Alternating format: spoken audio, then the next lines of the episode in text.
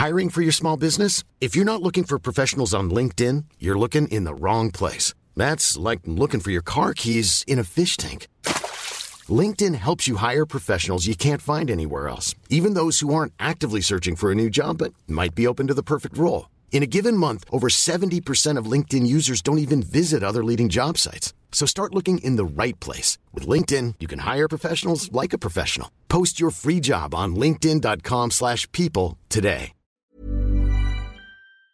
Hey, how you doing? Heel hartelijk welkom bij Julia. Okay, meet me at the bar in 15 minutes and suit up. 이 자리에 오신 여러분을 진심으로 환영합니다. Listen to what Mr. Shelby has to say. We zijn er weer, Content Wars, je favoriete podcast over de wereld achter de content. Ik ben Jelle Maasbach en hij is er nog steeds ontwikkelaar Kirsten-Jan van Nieuwenhuizen. Normaal dreun ik alle programma's op Ja, hou er eens die je mee. allemaal hebt gemaakt. Maar er is hier nu iemand te gast die overtoept jou volledig. Volledig en laten we snel naar hem toe gaan. want En niet om te slijmen, maar hij, heeft, hij zit achter programma's die ik, eh, ja, waar ik echt eh, Ja. als klein jochie al Zeker. veel plezier naar heb gekeken en, en nog steeds eh, naar kijk. Een auteur, iemand die zelf, maar ook nog samen met Goedelt Appie Baantje spannende boeken schreef. Een scenario schrijver voor verschillende series, waaronder Smeren, Schrijfschijn, De Gier, Baantje en mijn favoriet Unit 13. Verklapt al gelijk dat ik een eh 90s kid ben. En hij is al zo'n 35 jaar regisseur in Amsterdam. En dan vraag je je af, heeft de beste man nog tijd om hier te zitten? Ja, heeft hij nog tijd om te zitten? Simon de Waal, hebben we het dan over. Hij is hier. Welkom. Hallo. Goed dat je er bent. Dank, dank, dank. dank voor de bij. uitnodiging. En bezig erbij. Eh, dat kan je zeggen, ja. ja. Ja, en we gaan het met je hebben over het vak wat er allemaal bij komt kijken. Hoe jij dingen eh, die je meemaakt op de werkvloer gebruikt. Eventueel voor je, voor je serie. Maar vooral om het te hebben over de serie die nu loopt. Het Gouden Uur. Ik heb vier afleveringen gekeken. En het is altijd heel moeilijk om een serie eh, te bespreken zonder te veel te spoilen. Dus ik, ik ga het echt proberen om het niet te doen. We Ja. kunnen zeggen dat het gaat over een aanslag. Nou, dan geef je al veel weg. Maar oké, ja, nee, Het staat in de omschrijving. ik heb gekeken wat is de omschrijving bij NPO Plus. ja, dat mag. Eh, ben je trots? Want je krijgt eh, lovende recensies. Ik ben waanzinnig trots. Ja. Ja, ik ben waanzinnig trots. Ik bedoel, het is... ehm, als je iets schrijft... Ik, ik schrijf op een bepaalde manier. Hè? Dus ik, ik, ik zie iets voor me. Ik bedenk eigenlijk de serie of de film in mijn hoofd. En dat schrijf ik dan op wat ik zie. En ehm, het is maar zelden dat eh, het overtreft wat ik zelf heb bedacht. En dat is dit, eh, dit keer wel het geval. En dat is alleen maar heel mooi. Ik bedoel, het is, ja, ik ben, er vrij, ik ben er vrij lyrisch over, moet ik zeggen. Ja. Ja. Kijkcijfers zijn volgens mij ook eh, goed. goed. Ehm, wat mij opviel, en dat was ook een, een, een luisteraar van deze podcast. Ze zei de, de hoofdredacteur, die, die, of de eh, hoofdredacteur, de, het hoofdpersonage, de hoofdacteur, eh, die is heel bekend. Er zitten ook veel onbekende namen bij. En dat viel me ook op. Bijvoorbeeld, en dan verklap ik nog niks, dan staan ze in de, de wachtkamer van de, van de politie. En je hebt echt het gevoel dat je erbij bent. Maar dat komt misschien ook omdat ik niet het denk, oh, die ken ik van die serie nog, die ken ik van die film. Ja. Is dat bewust Is dat gedaan? bewust gedaan. Ehm, dat is. eh, ja, ik denk zeker wel bewust gedaan. Ja, we hebben het daar wel heel erg over gehad. Het is natuurlijk eigenlijk een eh, eh, hele grote keuze van de regisseur natuurlijk. Eh, maar we hebben daar vooraf, eh, met z'n drieën hebben we daar heel veel over gesproken. Met z'n drieën bedoel ik eh, Bobby Boermans, de regisseur. Ja. Eh Boudewijn Rozenmuller is de producent van destijds van de NL-film. En, en zeg maar de, de, de creatieve krachten daar ook achter het Gouden Uur samen met mij. Ehm, en daar hebben we, we hebben er heel veel over gesproken van wat, wat gaan we doen, wie gaan we nemen. En Bobby was daar wel vrij uitgesproken in. Het is van ik wil gewoon eh, hele goede acteurs hebben. Maar ze hoeven helemaal niet bekend te zijn voor mij. Het hoeft helemaal niet een palet te worden van allemaal bekende gezichten. Juist niet. En juist eigenlijk om de reden die jij nu zegt ook. Weet je wie ik er eh, van uitspringen? Nou? Misschien zijn dat niet jouw favorieten. Op een gegeven moment heb je de plaats delict en dan komen twee agenten komen daar naartoe. Mhm. Vond ik ongekend goed, die twee. Hoe die, die scène. Nee, de- Nou. de, de, aanslag zelf. Ik denk dat Simon dat heel leuk vindt. Want een van die twee is zijn zoon. Oh, echt? Ja. Oh, dat wist je Oh, niet? dat wist is ik echt niet. Nee, heel dat wist ik echt Nee, ik denk, jij zit hier vreselijk te Nee, slijmen. nee. Maar Daar heb ik soms een handje Dat van. Nee, je dat, wist, echt niet, dat wist ik echt niet. Wist ik echt niet. Oh, Ehm, ja. wat, weet, je, weet, je wat, weet je wat ik moeilijk vind? Want ik vind eh, series en, en films over aanslagen... dan heb je het idee dat het een beetje te erg in scène is gezet... dat het een nep is. Ja. Eh, en dan haal ik toch weer Renske aan, onze luisteraar, die zei: eh, vooral die, dat moment van die aanslag, en we gaan niks verklappen. Maar het moment dat het gebeurt en dat lijkt het zo echt. En die stiltes daarna dat jouw zoon dus met die andere actrice daar als, als agent naar die plaats lik snelt. Eh, ja, die stiltes die vallen. Mhm. Ja, ik had wel echt kippenvel. Omdat ik dacht, jezus, ik heb echt het gevoel dat het echt is en dat je erbij bent. Ja, dat maakt het heel sterk. En wat gaat hier gebeuren? On-Nederlands goed. Dat Ja. misschien ook niet netjes om te zeggen, maar Nee. het was echt heel het, is, het is iets wat je heel veel hoort. eh, eh, de laatste tijd trouwens. Ook over eh, andere series. Dat on-Nederlands goed. Ehm, en dat is alleen maar een fantastisch compliment. Eh, want we hebben het idee nu wel dat we hier gewoon dingen kunnen laten zien die inderdaad ergens anders ook kunnen. En dat betekent alleen maar. En de NPO heeft dat het fantastisch gedaan. eh, door gewoon echt een ja, goed budget ter beschikking te stellen. Dat wij het wel kunnen, maar dat we het budget nodig hebben. Nou, dat eventjes over dat on-Nederlands. Ja. En dan over die, nou ja, wat jij beschrijft, hè, die aanslag. Ehm, die stilte is, eh, eh, is iets wat we er heel bewust in gebracht hebben. Omdat nou, ik heb veel research gedaan over eh, aanslagen en over wat er dan gebeurt. En iedereen heeft het werkelijk, iedereen die dat meegemaakt heeft, heeft het werkelijk over die onnatuurlijke stilte die dan valt. Die Ja. gewoon echt minuten duurt. Waarvan je denkt dat mensen gaan gillen, schreeuwen, eh, eh, eh, kermen van de pijn en dat soort dingen. Dat gebeurt dus gek genoeg niet. Er- daalt een hele rare, onwezenlijke stilte over die plek heen, die heel erg lang aanhoudt. Nou, dat hebben we heel bewust ook zo proberen te laten zien. Er loopt één man loopt daar rond. We verklappen niks, want je moet het maar gewoon gaan zien dan als je Ja. het nog niet gezien Ja. hebt. Er loopt één man, één, één man op die markt loopt daar nou ja, wezenloos rond. Weet niet wat er gebeurd is, zoekt andere mensen. En dan komen er inderdaad twee agenten die als eerste de melding krijgen. Ehm, er is een aanrijding geweest, want eh, op de meldkamer zie je ook de verwarring wat daar gebeurt. Er komen allemaal telefoontjes binnen. Mensen van ja, er is een aanrijding geweest, er zijn mensen gewond. eh, Er is, een, er is nog helemaal geen sprake van een aanslag. Er Nee. is gewoon sprake van heel veel mensen die bellen van er is iets gebeurd. Eh, zoals het in werkelijkheid ja, heel gaat. realistisch eigenlijk. Heel realistisch. En pas eigenlijk in de loop van de minuten daarna komt het besef van het is eigenlijk veel meer dan een gewone, eh, tussen aanhalingstekens, aanrijding. En die twee agenten, eh, die komen daar, die zijn daar dan. En op het moment dat de meldkamer, dat daar het besef komt van er staat nog een vrachtwagen. De kans op een tweede klap is heel groot. Dat er een tweede aanslag komt, volgend op de eerste. Ehm, nou, dat is in heel veel gevallen is dat, eh, is dat ook echt gebeurd. Dus er staat een vrachtwagen waar mogelijk explosieven in zitten. En ehm, nou ja, dan, dan geldt veiligheid eerst Nou. voor iedereen. En die agenten die worden dus tegengehouden van nee, je blijft, je blijft daar weg. Want er zijn speciale eenheden voor en die komen en die gaan het onderzoeken. Ehm, en die twee die zien daar die, nou ja, die totale Chaos. vernieling, Ja. chaos. Al die mensen die er liggen en die hebben, die hebben zoiets van, eh, nou ja, fuck it. Letterlijk, fuck it, wat ze zeggen op de meldkamer. We gaan wel. En Ja. die lopen dus die markt op in de richting van die vrachtwagen. Ja. En wat er dan gebeurt, zullen we niet Dat verklappen. gaan we maar het is vertellen. in tegenstelling tot bijvoorbeeld Amerikaanse series waar je heel veel bloed ziet, heel veel gekrijs. Die stilte maakt het zo pijnlijk. En ik had ook eh, verder in de serie, als er dingen gebeuren, laat ik het zo maar even cryptisch omschrijven. Mhm. Dat je soms denkt van fuck, dit kan ook in Nederland gebeuren. En het is zo realistisch dat je bang bent. Dat, ja, je schrikt af en toe gewoon, omdat het er zo allemaal echt uitziet. Laat ik, Ja. het, laat ik het daar ophouden. Ja. Hopen dat het niet hier naartoe komt. Want je kan parallellen trekken met dingen die er in Nice zijn gebeurd. In, in Duitsland op kerstmarkten zijn gebeurd. Heb je daar je, ehm, ja, hoe zeg je dat? Inspiratie. inspiratie vandaan gehaald? Ehm, nee, niet specifiek. Ehm, het speelt natuurlijk altijd mee. Hè. Je weet, ik, ik, ik, ken, ehm, ik ken al die situaties natuurlijk. eh, al die aanslagen die er geweest zijn. Alle, alle mogelijkheden. Ehm, dus er zijn er nou ja, tientallen hè, de, de laatste jaren geweest, helaas. Eh, op allerlei verschillende manieren, verschillende eh, situaties. En ik wilde eigenlijk eh, bij het schrijven de. Nou ja, ik moet het voorzichtig zeggen, maar de impact zo groot mogelijk hebben Ja, van, ja. van wat er gebeurt. Want ik, het, het is voor mij een serie niet zozeer over de aanslagen, maar de aanslagen zijn bijna een soort motor eh, voor het, het, het menselijk handelen, het menselijk denken, de emoties. Wat, en, en hoe erger je die motor maakt, hoe heftiger je die motor maakt, hoe dichter je bij de ware mens komt. Dus je ziet ook eh, in, in de afleveringen eh, hoe mensen worden ehm, nou ja, gevormd door wat er om hun heen gebeurt. Ja. Dus, dus, dus, er wordt wel eens gezegd, zeker voor het scenario schrijven, onder druk leer je de ware mens kennen.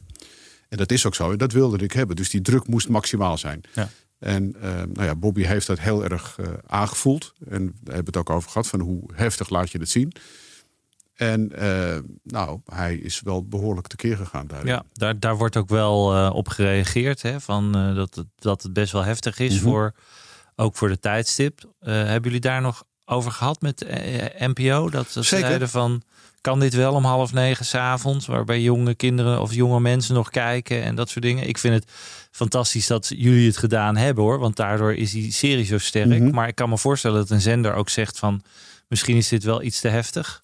Nou, er zijn zelfs nog, eh, er zijn zelfs nog dingen uitgehaald in de, in de, in de, in de edit. Oh ja. Die, die eh, in eerste instantie was. En eh, waar het nog wat heftiger was. En nog heftiger eh, te zien was. Dus daar, daar is zeker aandacht voor besteed. En ehm, er is ook niet voor niks natuurlijk die wa- waarschuwing van tevoren gekomen. Waarvan eerst een beetje het idee was eh, van... oh, dat is een soort publiciteitsstunt. Eh, alleen toen het uitgezonden was, toen hoorde je daarna de mensen van... eh, Oh, nee, het was toch niet een publiciteitsstunt. Het was toch wel degelijk een, eh, een, een serieuze eh, en terechte waarschuwing. En wat voor soort scènes zijn er uitgehaald? Kan je daar iets over eh, vertellen? Nou, nee, het, het zijn niet zozeer scènes die eruit gehaald zijn. Het is meer de manier waarop het in beeld gebracht is. shots, ja. ja. Er is één, ik kan je één ding bijvoorbeeld. ehm, ehm, in de eerste aflevering die afgelopen zondag is uitgezonden. De eerste aflevering die in het winkelcentrum speelt. Daar zijn wat nou ja, zeg maar expliciete beelden van mensen die neergeschoten worden. Die zijn daar eh, vervangen door wat meer impliciete beelden. Oké. Wat ik heel interessant vond, en dat, dat eh, slaat ook een beetje terug op jouw ervaring als rechercheur natuurlijk. Wat, wat het extra realistisch maakt, is dat je in, serie, in deze serie een aantal dingen ziet die je als leek eigenlijk niet weet. En een van de mooie voorbeelden is inderdaad dat, je, dat niemand dus dat plaatsdelict op mag na zo'n aanslag. Terwijl iedereen daar ligt te gillen. En, of althans, dat is, valt dan wel mee, maar er liggen allemaal gewonden.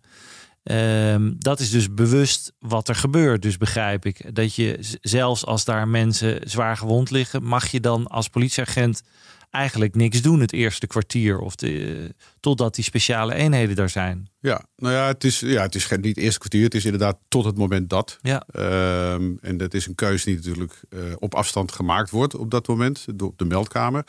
Er is een verschil tussen als er nog, kijk, als er nog mensen aanwezig zijn daar, eh, eh, eh, terroristen of mensen die de aanslag plegen, als die daar nog aanwezig zijn en die zijn nog aan het schieten of die zijn bezig of weet ik veel wat, dan wordt er meteen opgetreden. Ja.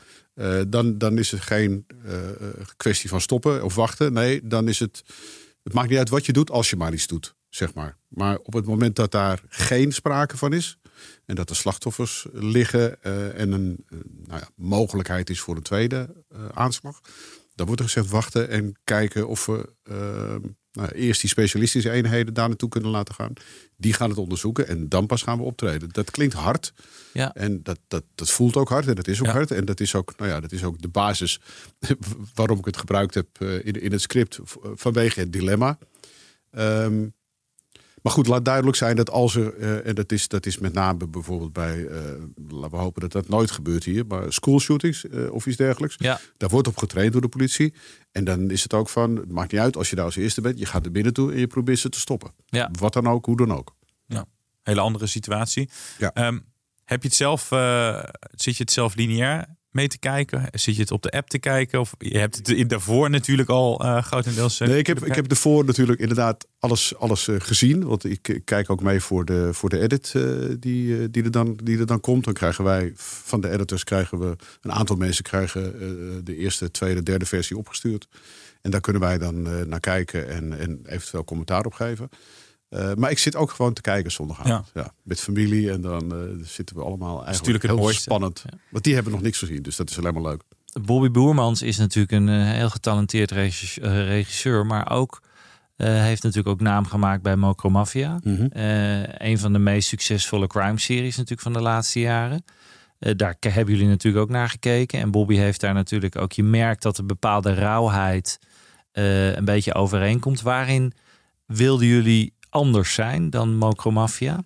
Mm, Nou, laat ik beginnen met inderdaad eh, de, Bobby zoveel mogelijk eh, te prijzen als dat ik kan. Want Ja. het is, ik vind het ten eerste het is een fantastisch aardige gozer. Maar ten tweede is het, een, is het eh, nou ja, een van de beste regisseurs die wij nu hebben, denk ik. Die eh, echt toe was aan een, eh, aan een stap.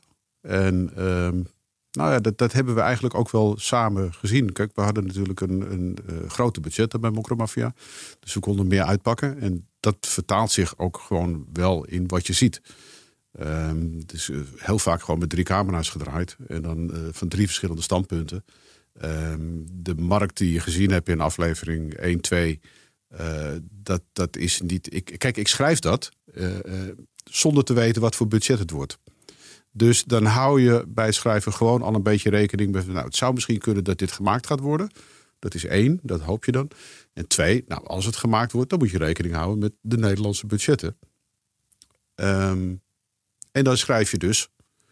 Nou, het is een kleine biologische markt. En dan denk je van nou misschien zes kraampjes links, zes kraampjes rechts en eh, vijftien eh, figuranten en een vuurkorfje. Maar het werd iets meer... eh, Dan heb je het wel gehad. En dan kom je op de set en dan is daar gewoon de halve Albert Kuipmarkt nagebouwd. ja, zo zag het er wel uit, echt, ja. echt letterlijk. Dus dat, dat is de stap die we hebben kunnen maken. Naar, naar echt een volwassen. waarmee ik niks ten nadele van Mokromafia zeg. Hè. Bedoel, laat, laat het even duidelijk zijn. Maar een, een hele volwassen manier van iets in beeld brengen. Ja. Dus niet zes kraampjes, maar gewoon een, een, inderdaad een halve Albert Kuipmarkt... waar een vrachtwagen echt helemaal overheen dende. Ja. Dus er was gewoon een hele wijk afgezet in Haarlem voor een week lang. Alleen maar voor die scène. Ja, dan kan je uitpakken. Kirsten Jan zegt net wel eh, terecht, heeft hij het over Videoland. Ik heb deze dus vier afleveringen van het Gouden Uur tot nu toe op NPO Plus gekeken. En dat is altijd vaak eh, gespreksonderwerp hier, omdat die app ontzettend vaak vastloopt, niet onthoudt waar je bent gebleven. Vind je dat soms niet jammer dat het op, op die app staat? Oh nee, ik ben blij dat het gemaakt is. En waar het dan, waar het dan terecht komt. Ja, maakt niet uit. Dat is, nou ja, nee, nou, dat klinkt ook. Dat klinkt, maakt niet uit, klinkt ook wat eh, vervelend. Maar eh, kijk, het is jammer dat mensen daar eh, problemen mee hebben. Maar het gaat ons even om het product. Ja. En daar zijn we trots op. Ja. En het is ook een mooi product. Dus ik kan me voorstellen, je wil dat het zo goed mogelijk bekeken, bekeken wordt. Ja. Of ik ben de enige in Amsterdam die problemen heeft met die app. ik heb het wel heel vaak. Nee. Nee, ik lees. Maar de, de grap is bij, ik heb de app van KPN, de ITV-app, is ook, is ook een drama. Dus apps zijn gewoon, is gewoon lastig. Ja. En het kost gewoon veel geld. Dus je merkt dat heel veel apps, eh, zeker omdat Netflix de standaard is, Ja. een stuk minder zijn. Ja, want ik, ik, ik kijk ook wel naar. ehm, wat is het? Waar zit hij op Apple TV, geloof ik? Een serie. En dan denk ik ook van ja, on- onthoud nou waar ik ben. Of, Ja. of laat me even heen en weer spoelen. Dat doet hij dan ook niet, weet je. Want het is ook jammer, vooral met, de, met deze serie, dat je te snel doorgaat. Ik had bij een bepaalde, ik zal me niet verklappen, scène dat ik al het einde zag. Dat ik dacht, shit, dit wilde ik nog niet zien, weet je. Ja. Moest die opbouwen, ernaartoe wilde je nog graag eh, meemaken. Nou, straks veel meer over je werk als eh, scenario schrijver. Maar elke week pikken we er iemand uit die in de hoofdrol staat. In de hoofdrol. Heel graag Raven er weer uitpikken. Ja, ja. nou ja, Raven vinden wij al heel lang eh, Geweldig. geweldig. Hè? De grootste talent eh, van Nederland. Zeker eh, wat betreft interview en haar programma. eh, Hen. hen Ja. programma, zeg je dan? Blijft lastig. Blijf Maar het lastig vinden. Ehm, eh, is een groot succes. Ja, Hen had Welen. En eh, mocht je het nog niet gezien hebben, ga het vooral zien. Eh Welen die was een, een, een campagne bezig. Hè? Die, die wil weer goed eh, in de publiciteit komen. Die is vreemd gegaan. Eh, heeft zelf een fantastische vriendin Bibi. En hij zei bij Raven wat hij had gedaan. Hij was vreemd gegaan. En hoe klinisch hij het maakt, hoe plat ze het slaat. Ze zei, oh, dus je hebt gewoon last van je lul. nou, je moet hem even terugkijken, maar dat was, dat was echt goed gedaan. Alleen qua eh, kijkcijfers is het nu iets minder. Hè? En hij Ja. heeft wel meer concurrentie dan, ja, eh, dan het, is, het, het vorige seizoen zat, tikte regelmatig de miljoen aan. En nu eh, zit, zit het daar wel, wel, wel onder. Ehm, eerste aflevering was ook niet zo gelukkig, denk ik, qua gasten.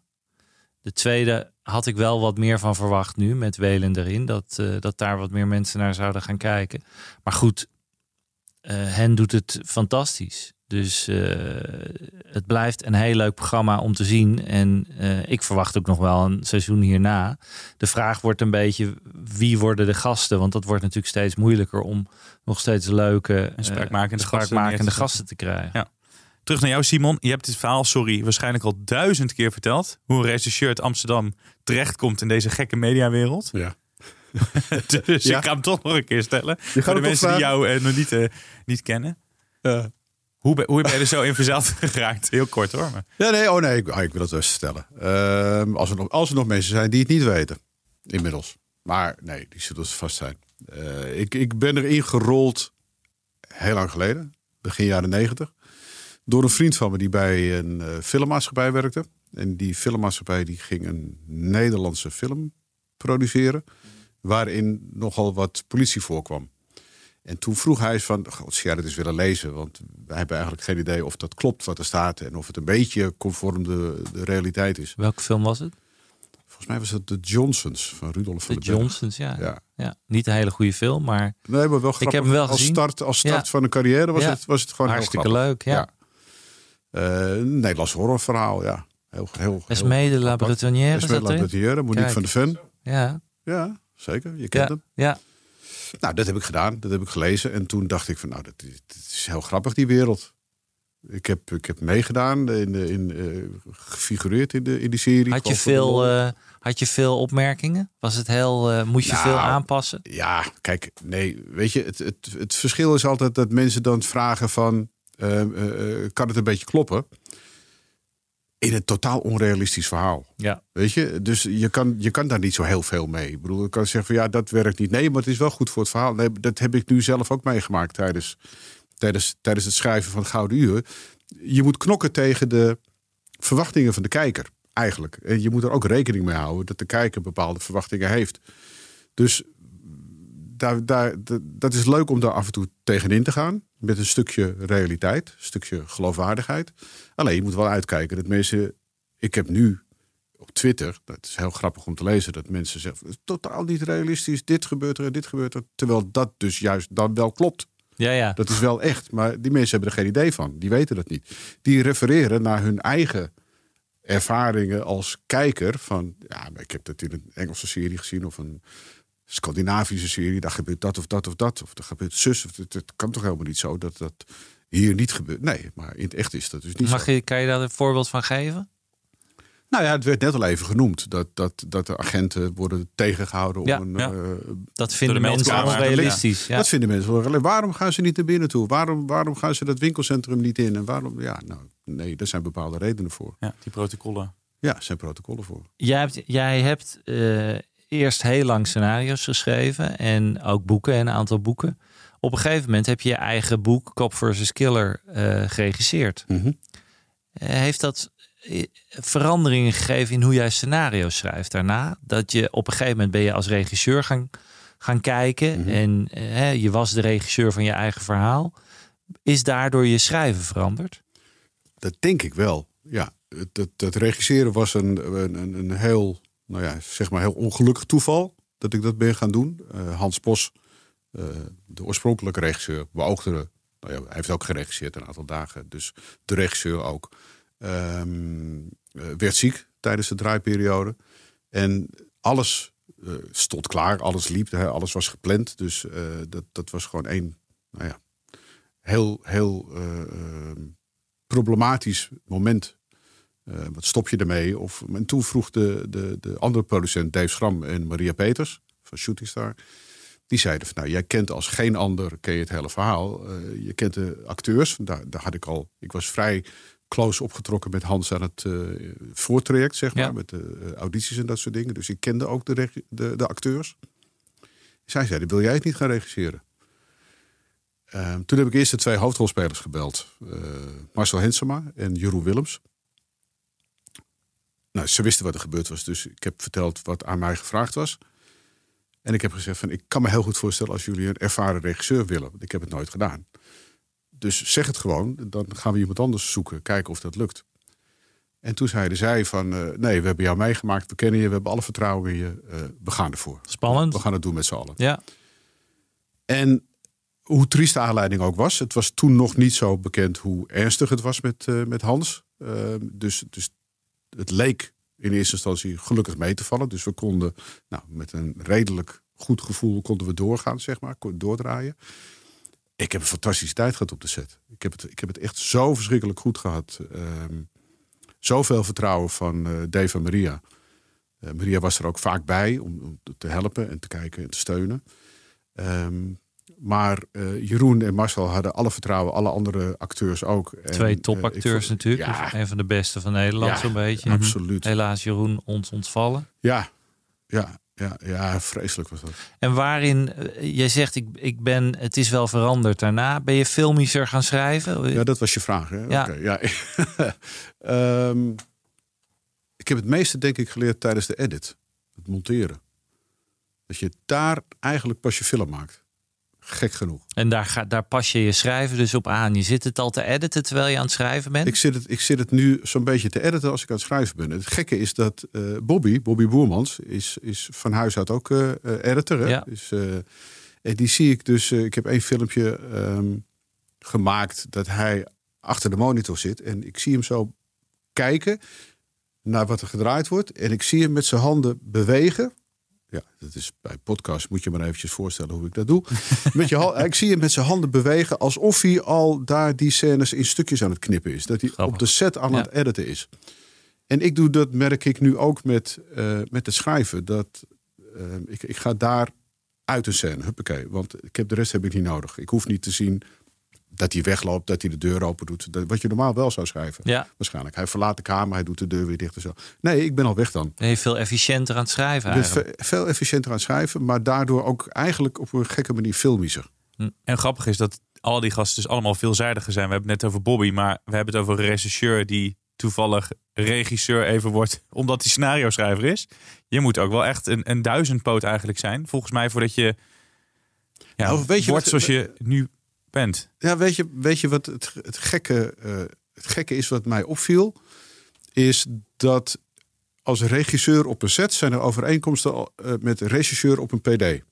Op een plaatsdelict. Hm.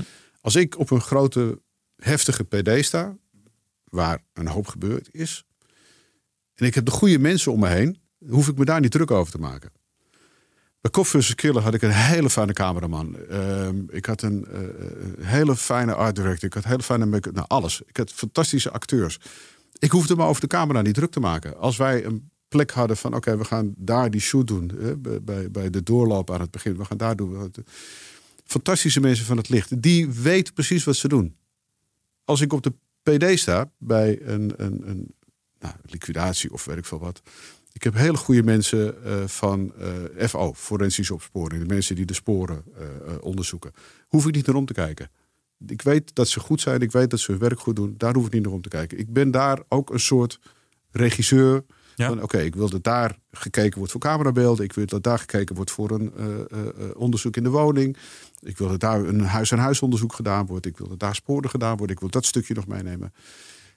Dus daar, daar zijn heel gek genoeg zijn daar wel wat ehm, overeenkomsten in. En je hebt het altijd willen combineren. Je kan zeggen, het is handig voor de inspiratie, maar het spat er ook wel vanaf dat het liefde voor het vak is. Dat jij regisseur nou, wil zijn. absoluut. Ja, absoluut. Dat, dat wordt natuurlijk best heel veel gevraagd. Van, god, eh, zou je niet stoppen met het politiewerk? Hè? Of, of kan dat niet? Of, nou ja, nee, dat zou kunnen. Ik zou helemaal kunnen gaan schrijven met, met boeken en, en, en alles. Zeker nu. Nee, ik neem aan dat je nu eh, helemaal eh, overstelpt wordt met, wel, met werk. Oh, nou ja, laat ik zeggen, het is niet onopgemerkt gebleven. Nee. ja, dat is wel heel leuk. Ja. Dus heb Dus- je, kri- krijg je veel, eh, haal, je, haal je veel inspiratie letterlijk ook uit je werk? Heb je wel eens, eh, ik roep maar wat, eh, aanslagen waarvan je denkt, hmm, dit zou wel eens in een film kunnen?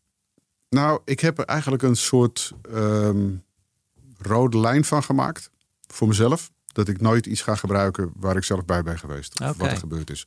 Als er iets in de krant heeft gestaan of alles. eh, Daar heeft iets dat ik denk van. Ik haal gek genoeg meer inspiratie uit de krant. Of van het nieuws of wat ik zie. Dan dat ik het van mijn eigen dingen doe. Want ik wil niet. ehm, en misschien zullen nu mensen gaan zeggen van ja, maar je gebruikt toch. eh, eh, ellende van andere mensen, hè, die, die, die vergeleken zou kunnen worden met Ja. aanslagen Ja. in Nice of wat dan ook. Van, ja, oké, maar dat is ehm, lang geleden ergens anders geweest. eh, Ja. En ik gebruik het niet één op één. Ja. Ik bedoel, het is niet zo dat ik... Ik noem, ik noem eventjes iets wat er voorbij zou komen. Het winkelcentrum in Alphen aan de Rijn. Ja. Elf jaar geleden. Van ja, er is een schietpartij geweest in het winkelcentrum in Alphen aan de Rijn. En ja, ik heb in Gouden Uren een schietpartij in een winkelcentrum. Maar het is niet dezelfde schietpartij. Het gaat niet om dezelfde mensen. Het gaat niet om dezelfde daders. Het is totaal anders. Dus de enige overeenkomst is de plek. Ja. Een winkelcentrum. Of bepaalde elementen of een bepaalde sfeer of zo. Of, of, of een spanning tussen, tussen rechercheurs te plaatsen. Dat je zoiets... Nou, kleine dingen wel natuurlijk. Hè? Ik bedoel, hoe mensen met elkaar praten. eh, de, de grappen die er gemaakt worden. Ja. ehm, de, de zwarte humor met name. Die ik, die ik natuurlijk als geen ander ken. Die, die, die regisseurs en politiemensen gebruiken om af te reageren. Ja. Ehm, er wordt op een gegeven moment gezegd in aflevering 4 door die ene politieagent waar jij het over hebt. Yannick, know- Yannick. Ja, Yannick, eh, jouw zoon. mijn zoon. Waar ik heel trots op ben, want hij deed fantastisch. Ja, Ja, dit goed. En, ehm, maar die zegt op een gegeven moment van toen die agenten terugkwamen uit Broek in Waterland, eh, was de stemming was, Ja. was bijna euforisch. Ja. Er, was echt, er was echt een soort ontlading was er. Nou, daar was ik bij. Die heb ik meegemaakt, die ontlading. Die was er ook echt. Het was ook echt van, god, we hebben iets verschrikkelijks meegemaakt. Maar het is goed afgelopen. Er zijn bij ons geen slachtoffers gevallen. En we hebben ze. Dus het was een soort pff, Ja. spanning die eruit kwam. En dat, eh, nou, ik heb dat afgezet tegen het gevoel wat zij hadden daar in de serie van, maar het is ons niet gelukt. Ja. We hebben niet iemand kunnen redden. En is wel grappig dat zegt, want het viel me op. Er zit dus een echt een momentje in. En ik zag mijn oud-collega Krien ten Haven, presentatrice van RTL Z. Eh, de beelden die jullie hebben gebruikt waren volgens mij van die tramaanslag in Utrecht. Maar dan zo verknipt dat het lijkt alsof het over deze. Mhm. Ik weet nog wel dat ik die breaking news uitzending als redacteur... dat ik allemaal beelden moest monteren. Dus ik kan me dat moment nog goed herinneren. Maar ook dat beeld van Halsema, die persconferentie en van Rutte. Dat zijn allemaal echt, dat is allemaal echt gezegd. Alleen Ja. het is zo gebruikt dat het lijkt alsof het deze, over deze aanslag gaat. Ja. Misschien dat het daardoor meer binnenkomt dan dat je een acteur hebt die de premier speelt. Of een actrice die de burgemeester van Amsterdam Ja, speelt. zeker. Maar spreek, spreek nu even voor mezelf. Ik ja. weet niet hoe jij dat is ziet. Nee, dat vind ik ook, vond ik ook heel goed gedaan. Ehm, ik vroeg me wel af of het, of het mag, maar het mag waarschijnlijk, want daarom hebben jullie het ook gedaan. ja, kijk, de, zoiets gebruik je niet zonder toestemming. Nee, bedoel, dus dat, dan- heb je, dat moet je wel Ben vragen je van wel, tevoren. heel, ben je wel heel naïef als Ja, je dat ja. eh, Dus zomaar even Dus die beelden moest je bij RTL Z, bij mijn oud-collega's, moest je dan opvragen. Maar moet je het ook bespreken met, met eh, Halsema of, of je dat Ik, gebruikt? nou ja, ik weet niet hoe dat gegaan Nee. is, want dat is het Ja, dat doet iemand anders. deel van het proces waar Snap ik dan niet ik. bij ben. Dus Ja. dat, dat, maar ik weet, ik weet dat, dat we Ja. het van tevoren over gehad hebben. Dat er gezegd is van, nee, we hebben officieel toestemming om dit Oh te gebruiken. Want het stond wel in jouw scenario, laat ik het zo zeggen. Er stond in mijn scenario, je ziet op de achtergrond beelden van de aanslag. Ja. Ja. Op het nieuws. Dat, Ja. is, dat is letterlijk wat er in mijn eh, script Nou- stond. En dat is vervolgens, eh, nou ja, dan kom je in het proces van de, de nawerking. En toen dan, van ja, zou het niet vet zijn als? Ja. Oké. nou, Nee, het viel me we op ook omdat ik, een- omdat ik jaren heb gewerkt. En ik, ik zag het aan de ticketape, maar ik zag echt de echte beelden van een andere aanslag. Waardoor het echt leek alsof het over het Gouden Uur ging. Ja. Ehm, terug naar jouzelf. Mhm. Hoe schrijf je eigenlijk een goed scenario? Daar hebben we het helemaal nog niet over gehad. Klein vraagje. Nou, is ook meteen, is ook meteen de, De basis. de lastigste. Mag ik daarop terugkomen? Nee, ik. eh, ja, hoe schrijf je een goed scenario? Jeetje. Ehm, Waar start je mee eigenlijk? je, start, goed idee. je start gewoon met het Je start idee, een Goed idee. En ik, ik persoonlijk. Kan, een kan aanslag alleen in maar- Amsterdam. Daar start je eigenlijk nu mee. Een grote aanslag in Amsterdam. Of was het basisidee eigenlijk anders? Dat je zei, ik wil, het, wil gaan kijken wat voor een impact het heeft. Nee, ik denk dat het basisidee is ontstaan. Stel dat een regisseur verdacht wordt van betrokkenheid Ja. bij een aanslag. Oh, ja, ja. dat het, dat, het basisidee was. Want ik heb, ben toen ook nog gaan zoeken van... oké, wat voor achtergrond zou het dan moeten zijn? Waar, waar, komt, waar komt het vandaan? We hebben, we hebben echt een, ehm, een hele zoektocht gehad... naar een, een, een van oorsprong Afghaanse acteur Ja. om het eh, te spelen. Ik heb nog heel erg zitten kijken van... oké, maar kan het verhaal dan... hoe kunnen we het... kan het naar een Arabisch sprekend land? Of, eh, maar daar kwamen we gewoon echt niet uit qua achtergrond. Iedereen weet dat, eh, als je aflevering 1 gezien hebt, dat eh, er zit wat achtergrond bij ehm, flashbacks van Ja. Afghanistan van vroeger. Twee kleine, twee kleine jongetjes, twee vriendjes. Eén is de regisseur, de ander is degene die de aanslag pleegt. Dat, dat kunnen we ook wel vertellen. Ja. Ehm, maar later zal blijken dat ze allebei dat het toeval een, een hele grote rol speelt in dit verhaal van hun. Ja. En dat toeval dat is dan van waar komt een jongetje terecht, waar komt een ander jongetje terecht en hoe bepaalt dat je leven? Ja, hoe je... Ehm, nou, eigenlijk is dat een beetje het begin geweest van, van het bedenken van dit verhaal. En daar is heel veel daarna nog bijgekomen. Want je, het is, nou ja, zoiets als dit schrijf je niet zo even in een maandje. Hoe lang ben je ermee bezig geweest? Ik denk een jaar Ja. bij elkaar. En gelukkig kreeg ik ook die tijd van eh, Ja. eh, NPO. En dat, nou ja, ik vind dat dat zich ook uitbetaalt in het verhaal. Ja. Als je de tijd hebt en krijgt. Maar je moet, je moet. Hoe schrijf je een goed verhaal? Ik ben naar. ehm, ik ben twee keer naar een masterclass geweest van Robert McKee. Een, een scriptgoeroe. Nou, voor de ene is dat een scheldwoord en voor de andere is dat dan. die- Nou, oké, oké. Is het oké, oké, oké, oké. Ehm, Robert McKee heeft het boek geschreven eh, Story in Amerika. En die man die geeft ehm, eh, nou, masterclasses duren drie, drie dagen en het is eh, tien uur per dag. Zo. Zo. En hij is echt tien uur aan het woord dan ook. Van 's ochtends negen tot 's avonds een uur of zeven. echt alleen maar, hij staat op het, op het ding en, en je moet luisteren, luisteren, luisteren. Want die man die zegt aan de lopende band door zinnige dingen. Wat was het belangrijkste, denk je, dat je daar geleerd hebt? Ehm, ik heb het opgeschreven. Ik heb het opgeschreven op een papiertje. Ik heb het op een groot, ik heb een groot metalen bord heb ik hangen met Mhm. magneetjes waar ik allemaal dingen op plak. Ik heb het nu opgeschreven. Universally human and culturally specific. Dat betekent dat jij een verhaal kan schrijven of dat je een verhaal moet schrijven. En dat kan zich afspelen waar en wat dan ook. Dat maakt er niet zoveel uit. Het, voor mij heeft het heel erg geholpen met de Afghaanse achtergrond van dit verhaal als een verhaal universally human is. Dat betekent dat iedereen over de hele wereld zich daar iets bij kan voorstellen. Laat ik het zo even vertalen. Dat het menselijk is. En daarbij culturally specific. Dus heel specifiek voor die cultuur. Zo, als je één van die twee hebt, is het niet genoeg. Als je het allebei hebt, dus een universally human verhaal met een culturally specific insteek, dan heb je een ehm, interessant verhaal. Nou, ik vond dat ik dat had met, met, met de basis van het Gouden Uur. Dan heeft hij heel veel, dat is dus zijn, zijn vraag naar wat is de, de wijste les die, die je gekregen hebt. Nou, dan heeft hij daarnaast nog honderden dingen die goed zijn. Ehm, vervolgens kan je, als jij die cursus gevolgd hebt, kan je een scenario gaan schrijven. Wat aan al die regels voldoet. En hij noemt het geen regels. Hij, noemt, hij zegt van het zijn geen regels, want er zijn geen regels bij schrijven. Nou, dat is ook het eerste wat je daarna moet leren. Oké, je kent nu de basis, vergeet hem. en je weet wat je los kan laten, maar hou bepaalde dingen in het achterhoofd. En vergeet dat er regels zijn. Je moet alles kunnen gaan schrijven wat je wil. Ehm, maar als daar niet een bepaalde een bepaald iets in je script zit. En ik weet niet hoe je dat kan omschrijven. Eh, er is een heel televisieprogramma geweest, dat heette de X-Factor. Dat, eh, jij kan leuk zingen, je kan leuk performen, je kan leuk iets doen. Maar als je de bepaalde X-Factor niet hebt, dan red je het toch niet. Nee. En voor het schrijven moet je ook, denk ik, denk ik, een soort X-factor hebben. Je moet iets hebben in je verhaal wat het net even anders maakt. Net even lekker maakt. En net eventjes buiten al die regels om slalomt. Om het, om het heel interessant te maken. Nou ja, daar heb ik nou...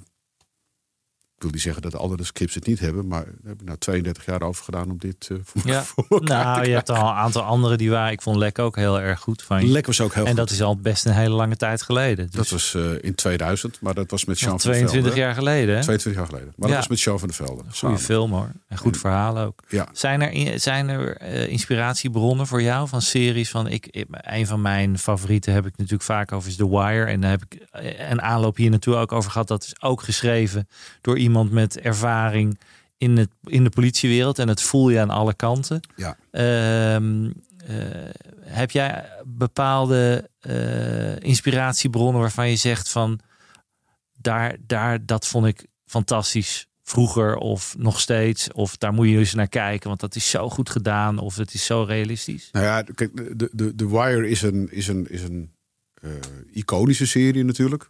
Kijk, kijk alleen even naar de eerste vijf minuten, die, die scène eh, Ja. van de, de allereerste aflevering, de Ja. eerste vijf minuten. En dan, als je dan niet verkocht bent, dan moet je ook niet gaan kijken, want dan ben je verloren voor die serie. Maar het, het is gewoon briljant hoe dat gedaan is. En inderdaad, je ziet en je voelt dat die man, hij heeft geloof ik een jaar meegelopen als journalist op de, de homicide afdeling Ja. in, in Baltimore. Ehm, dan krijg je toch een inkijkje. Want ik, er, zijn, er zijn veel te veel. Ehm, er zijn veel te veel schrijvers, auteurs van boeken of wat dan ook, die zeggen van ik heb een dag meegelopen met. eh, ik heb een dag meegelopen op die of die afdeling. En eh, wow, heb ik een kijkje in de keuken gehad. En nou kan ik, eh, kan ik een, een fel realistisch boek schrijven. Oh, al gelijk. Nou, ja, meteen, meteen. Ja, nee, dat, dat, dat zie je en dat hoor je veel te veel. Ja. Internationaal ook. Hè? Niet Nederland, maar gewoon eigenlijk internationaal. Terwijl ik denk dat die, eh, David Simon was dat, eh, van The Wire, toch? Ja. Eh, Ja.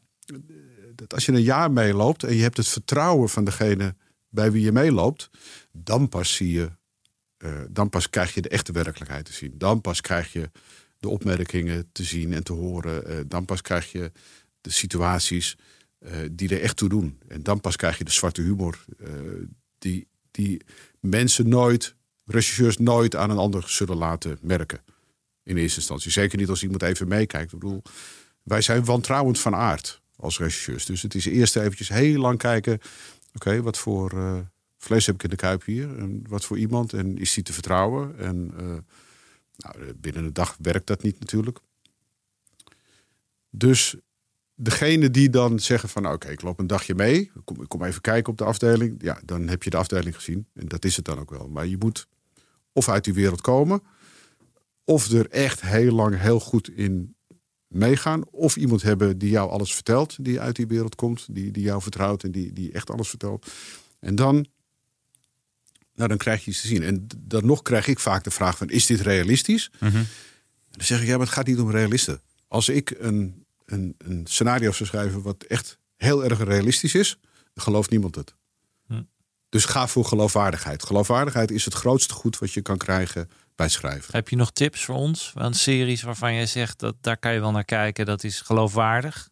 Ik vond, ik vond The Wire heel erg goed. Ik vond True Detective heel erg goed. True Detective, ja. Ja, ehm, ik vond. eh, ja, die zijn niet zozeer. Dat is, het is gewoon goed gedaan doordat het personage heel goed is. Luther vond ik heel erg goed. Ja, zeker. uit Engeland. Ehm, daar zijn ook nog wel wat series. Hoewel Engeland nu, nu heel erg, eh, merk ik, eh, eh, richting weer het baantjegevoel gaat. Nostalgie en... Ja, ja. Misschien door The Crown, dat het zo'n succes is. het zou kunnen. Ja. Ja. En The Fall, heb je die gezien? Nee. Dat is mijn tip. Eh, Ik denk Ja? dat jij die dan ook goed vindt. Ja. Ja? Wat is gaat, dat? over, gaat over een, eh, een seriemoordenaar. En dat is eigenlijk een hele eh, knappe, gezellige huisman. Een paar kinderen. Maar die heeft de drang om eens in de zoveel tijd studenten te vermoorden. En daar zit die actrice achter, die hele knappe van de X-Files. Die ook in The Crown Thatcher speelt. Gillian Anderson? Ja, thanks. Ja. Ik ben niet zo goed met namen. En zij eh, ja, jaagt op hem. Ja. En hij vindt het ook wel fijn. En je hoort het, de dialogen tussen de seriemoordenaar en de rechercheur. Het is gewoon een mind, mindfuck. Ja. Psyche, eh, psychisch Ja, ik vond het ook een goede serie. Enorm Ja. goede serie. Ja. Oké, moet ik daar even... Ja, daar- en- dat is en- een goede, goede tip. Mindhunter, trouwens ook een goede. Mindhunter en We Own This City vond ik ook heel Ja, goed. ja. HBO Max. Maar die is, die is wel heel specialistisch. Het gaat over de corruptie Ja. In de Amerikaanse politie. Maar ontzettend goed gedaan. ook. We gaan lekker van Ja. de hak op de Viel, tak. viel, viel, eh, viel jou mee of tegen? Eh, hij viel mij tegen. Ja, mij ook. Ja, ik Ja. had natuurlijk met The Wire meer verwacht. Ja. En hij is zo, zo specialistisch eh, dat je, je moet er echt van houden. Ja. Eh, en dan, Flitst ook heen en weer in Ja. tijd. En, ja, maar ik vond hem inderdaad, ik had er meer van verwacht. Ja. Maar ja, goed, dat is lastig. Wel goed dat je dat Ja. zegt tegenvallen. Want goed bruggetje naar waar ik naartoe wilde. Ja. En we gaan ook richting het einde van de podcast. Maar wat mij opvalt, sommige series die beginnen gigantisch sterk. Wat ik bijvoorbeeld met Lost had. Heel ander soort genre. Maar het heel spannend was. En het einde was... Als je hem nog niet hebt gekeken, dan moet je nu even doorspoelen. 10 seconden. We hebben het allemaal gedroomd. Het is, we waren allemaal dood. We hebben het allemaal gedroomd. Het is het meest erge, denk ik. Ja. Ehm, ik weet nog wel met Unit 13, met Skilla, met die, met die criminele organisatie. Zo, dat liep vet af. Mhm. Eh, daar heb ik spannend naar gekeken. Maar je hebt ook vaak series die beginnen heel sterk. En dan eindigen ze dramatisch. Ja. Is dat het meest lastige om een serie goed te eindigen? Dat is, dat, is, dat is bijzonder lastig. We hebben voor, voor het Gouden Uur hebben we eigenlijk heel veel zitten praten van hoe, hoe gaan we eindigen. Want dat doe je Eh, dus niet alleen, Simon. Nou, met Bobby en met, eh met Boudewijn. Eh, ik had een einde. Eh, en dan gaan we kijken van nou inderdaad, moet, je- moet je rekening houden met, Ja. met eh, moet je bepaalde mensen laten leven, la- niet laten leven. Wat, wat, wat doe je? Want moet je rekening houden met eventueel een, een seizoen 2. En een het einde, eh, de- maar ja, ik vind dat het einde mag nooit teleurstellen. We hebben geprobeerd, eh, of ik heb geprobeerd in het, bij het schrijven hier vanaf aflevering 1 was een beetje rustig aan Ja. opbouwen. De aanslag aflevering 2. En van daaruit wilde ik gas geven. En gas blijven geven tot, tot aan de laatste scène. Zeg maar. Letterlijk in eh, aflevering 2, hè? Gas geven. Letterlijk in aflevering 2 gas geven tot, tot, echt tot aan het einde. Ik weet dat veel schrijvers daar, of dat wordt al gevraagd, hè? niet zozeer Ja. eh, meer door de zenders, dat ze zeggen leuk dat einde dat iedereen doodgaat, maar we willen een, een tweede serie maken, dus Ja. hou er rekening mee. Dus dat maakt het schrijven van een einde soms lastiger, denk ik. Dat is absoluut zo. Ehm, maar hier zaten een aantal hele mooie karakters in waarvan we dachten van, nou ja, die kunnen gewoon niet doodgaan. Mhm. En aan de andere kant had ik wel zoiets gaandeweg van, nou, af en toe moet ik wel iemand dood laten gaan. Voor de verrassing. Ja. Het is niet zo dat je De Game of Thrones eh, is dat. Ja, het Ja. Is, eh, dat niemand, is, eh, niemand is onvervangbaar. En Nee. dat, maakt, dat maakt het toch voor de kijker. Dat je denkt van, oh nee, oh nee, oh nee, niet die, niet die. Laat die niet doodgaan. En ehm, ja, het is, dat is een spel. Het is een spel tussen jou en de kijker. Eh, Kunnen we hierbij de primeur geven dat er een tweede seizoen aan gaat komen? nee, Simon? was maar waar. Dat, Ja, dat, je dat dat, dat we dat konden. Nee, kijk, met het succes kan het, zou je bijna zeggen, het kan bijna niet anders. Iedereen Het heeft het erover en alles. Maar Het zou, het zou heel mooi zijn, laat ik het zo ja, zeggen. en die, de Eh, mogelijkheid is er, de hè? mogelijkheid is Ja, er. Maar je hebt genoeg snap, ideeën nog. Eh, Zeker, maar ik snap de NPO ook dat dit een dusdanige investering is dat ze zeggen van nou we willen even weten hoe dat, hoe dat ontvangen 4 wordt. miljoen begreep ik, budget. Dus zo'n 5 ton Ik- per aflevering. Ik heb geen idee. dat is Nee, wat ik, hoorde. Dat even qua cijfers vind jij altijd leuk, Jelle. Hè? Wat Mhm. kost het, wil Jelle altijd weten. 5 ton per aflevering. En dan dat valt eigenlijk nog wel mee. Als je ziet de kwaliteit die, het- die het geeft. Maar dat zijn dus de bedragen waar je het over hebt. Was het ook wel iets meer. Oh, nou moet je kijken. Dus dat, dat, daar hebben we het over. Hebben dit soort eh Ja. Nou, mooie en- series. Eh Kirsten Jan leert me altijd heel vaak over budgetten. Eh, die kan je, kan, je, kan je programma maken of breken. Ja. Eh, je hebt ook, zeg ik uit mijn hoofd, eh, een werk van jou dat voor Disney Plus verfilmd wordt. Ja, Dus je gaat dan naar zo'n enorme Amerikaanse speler. Je hebt nu het geluk dat NPO on-Nederlands budget uittrekt. Een goed Mhm. budget. klopt. Eh, dus dat gaat lekker. Zijn er nog meer eh, projecten voor buitenlandse spelers... of misschien voor, voor de NPO die eraan zitten te komen met een goed budget? Ehm, hopelijk. Ik, ik heb nu een, eh, eh, een, een deal bij eh, Videoland. Die mij gevraagd heeft om bij hun te komen. En een, nou, zeg een soort first look deal. En Videoland is heel ambitieus. En een hele fijne partner om mee te werken, moet Ja. ik zeggen. Er zitten echt hele fijne mensen. Daar zit nu ook uh, Milène Verdurmen, die bij de Afrotros uh, hoofddrama was. En uh, ik moet dat gewoon even zeggen, want uh, shout-out naar uh, Milène... die altijd achter het gouden uur heeft gestaan uh, bij de Afrotros om dit uh, te doen.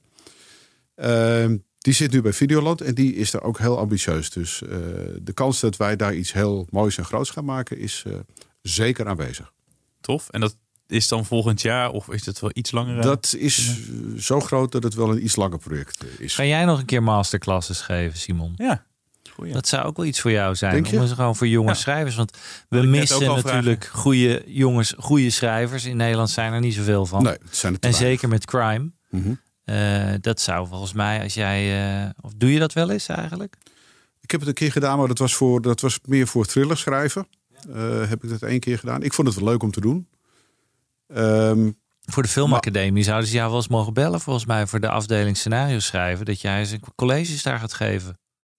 Ja, zou kunnen. Ja, nou, bij deze jongens. dat zeg jij heel bescheiden. eh, toen je dat net al aan het vertellen was en dat je daarvoor hè, met een, want het was Amerika denk ik, hè, die man die die masterclasses. Uh, Oké, okay. hij was in Amsterdam. Okay, hij, was hij, was hij is Amerikaan, maar hij was in Amsterdam. Maar je moet dus eigenlijk, laat ik het zeggen, nou, een buitenlandse spreker zou toch mooi zijn als we dat gewoon in Nederland als we dat, als we dat hier, als we dat hier kunnen doen en mensen willen, uh, ja, nou ja, waarom niet?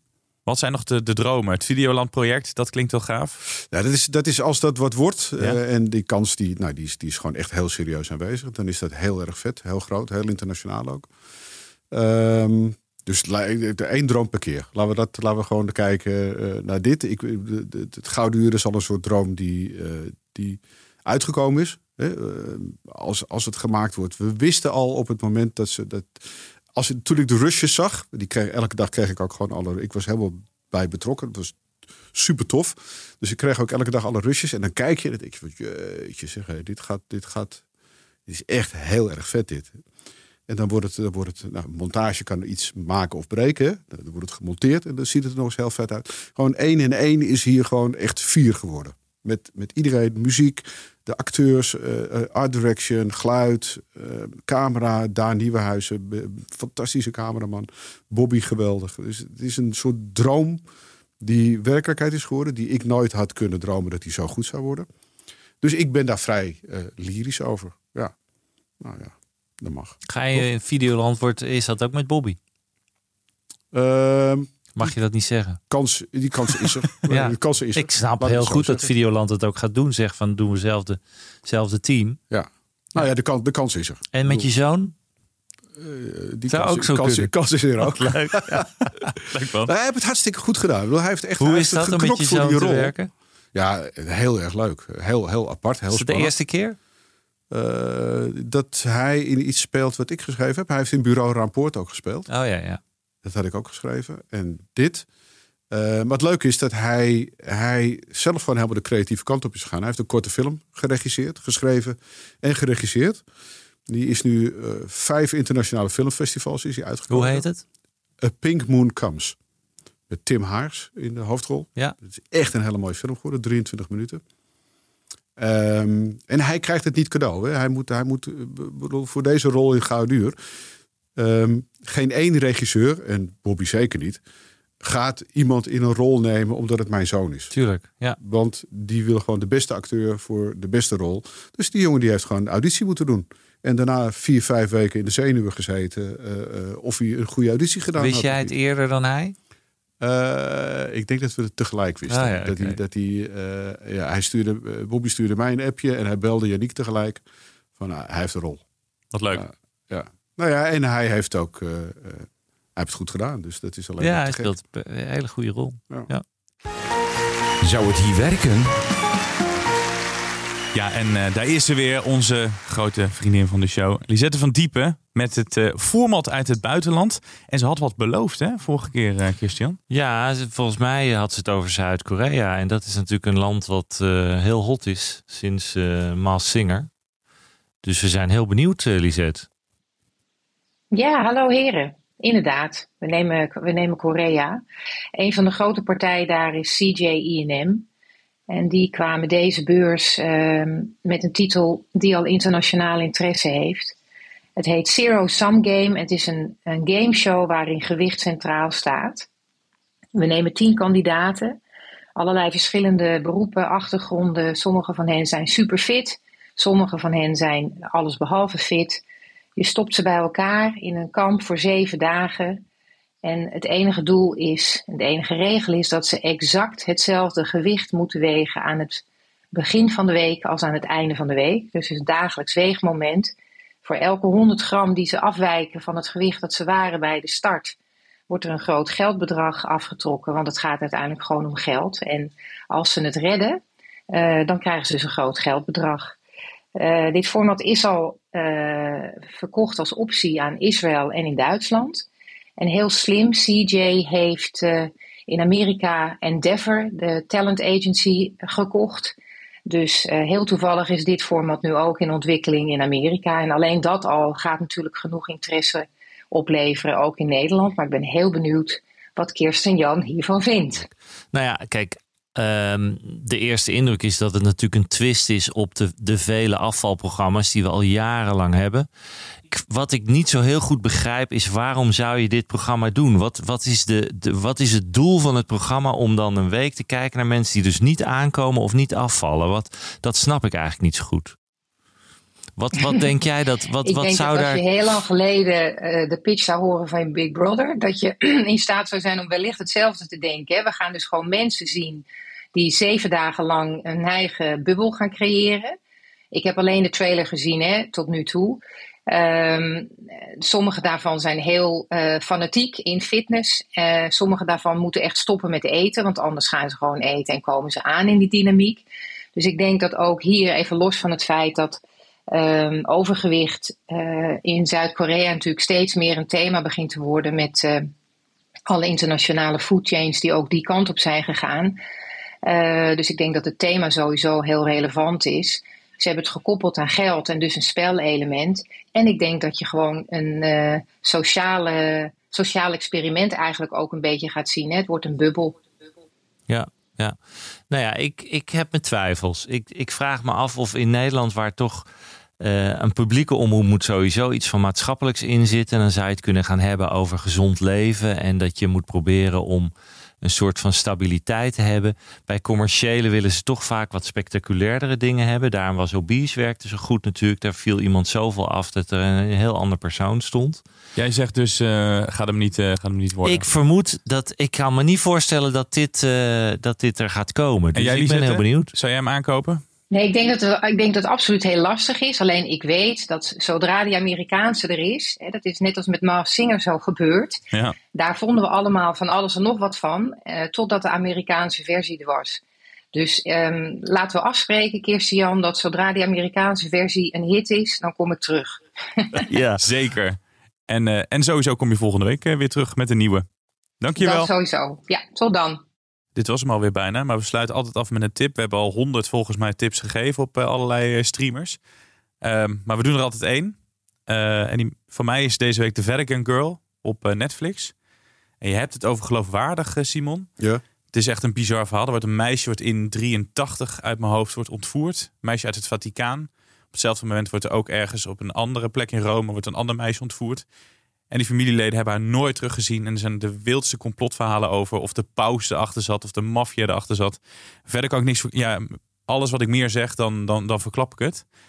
Vier afleveringen van een uur.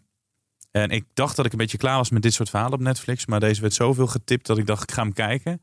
Bloedstollend spannend. Maar ook echt bizar dat iemand zo gek is om zo'n klein meisje te ontvoeren. Ja. Nou, en door het succes van Dahmer kan je erop rekenen dat er nog heel wat crime documentaires gaan aankomen. Dit is wel mooier gemaakt. Ik vind het soms een beetje ja. heftig gemonteerd. Heel ja. veel alsof je epilepsie krijgt. Heel veel flitsende. Dat was wel bij het Gouden Uur dat het gewoon rustiger is om naar te mm -hmm. kijken, laat ik het zo zeggen. Dit is heel Amerikaans. Dan moet je even doorheen de eerste 20 minuten en daarna. Ja. Nou ja, wij zijn, wij zijn fan van crime en alles wat met crime te maken heeft. Ja, mijn, mijn tip is uh, een bekende eigenlijk voor veel mensen. Maar het, is, uh, het laatste seizoen van Handmaid's Tale uh, blijft zo'n ongelooflijk knappe serie hoe dat gemaakt is. En ook een van de series waar elk seizoen sterk is. en dat is ook knap, want veel series worden toch minder met het seizoen. De, de, de actrice is ook uh, misschien wel een van de beste actrices uh, die er op dit moment rondloopt. Uh, vooral in haar gezicht kan zij alles zeggen. Daarom wordt ook heel veel close gedraaid, heb ik het idee. omdat zij zegt alles in haar gezicht eigenlijk.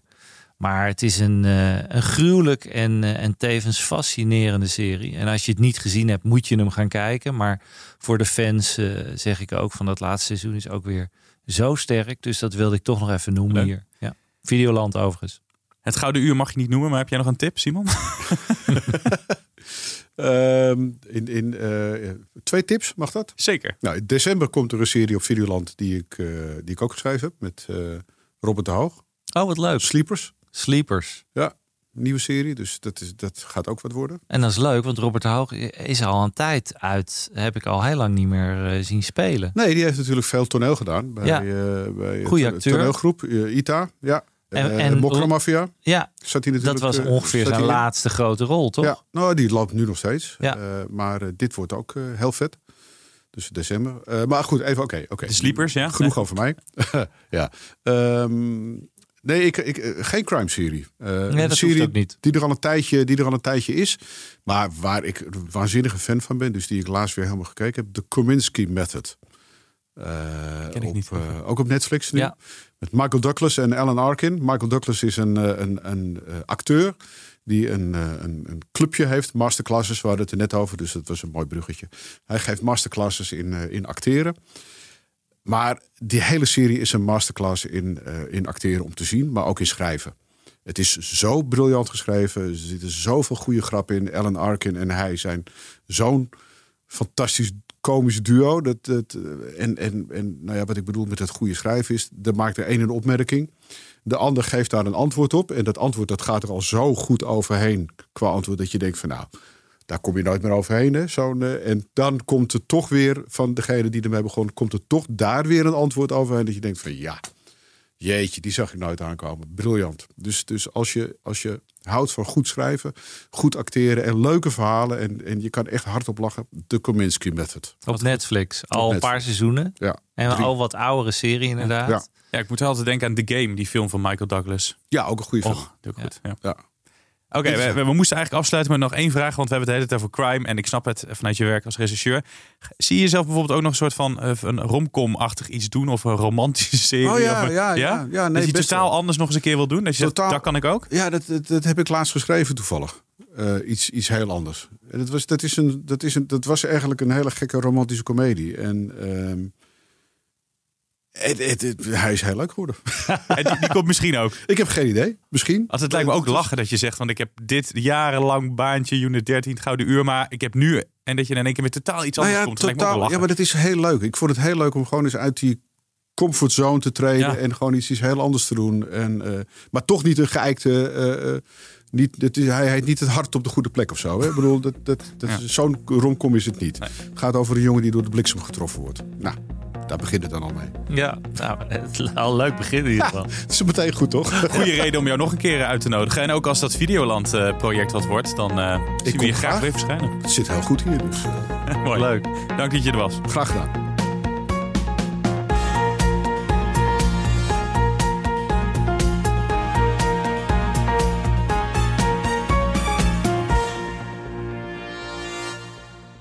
Ben jij content met deze content? Vergeet je dan niet te abonneren op Content Wars. Mom deserves the best, and there's no better place to shop for Mother's Day than Whole Foods Market. They're your destination for unbeatable savings, from premium gifts to show-stopping flowers and irresistible desserts. Start by saving 33% with Prime on all body care and candles. Then get a 15-stem bunch of tulips for just $9.99 each with Prime. Round out Mom's menu with festive rosé, irresistible berry chantilly cake, and more special treats. Come celebrate Mother's Day at Whole Foods Market.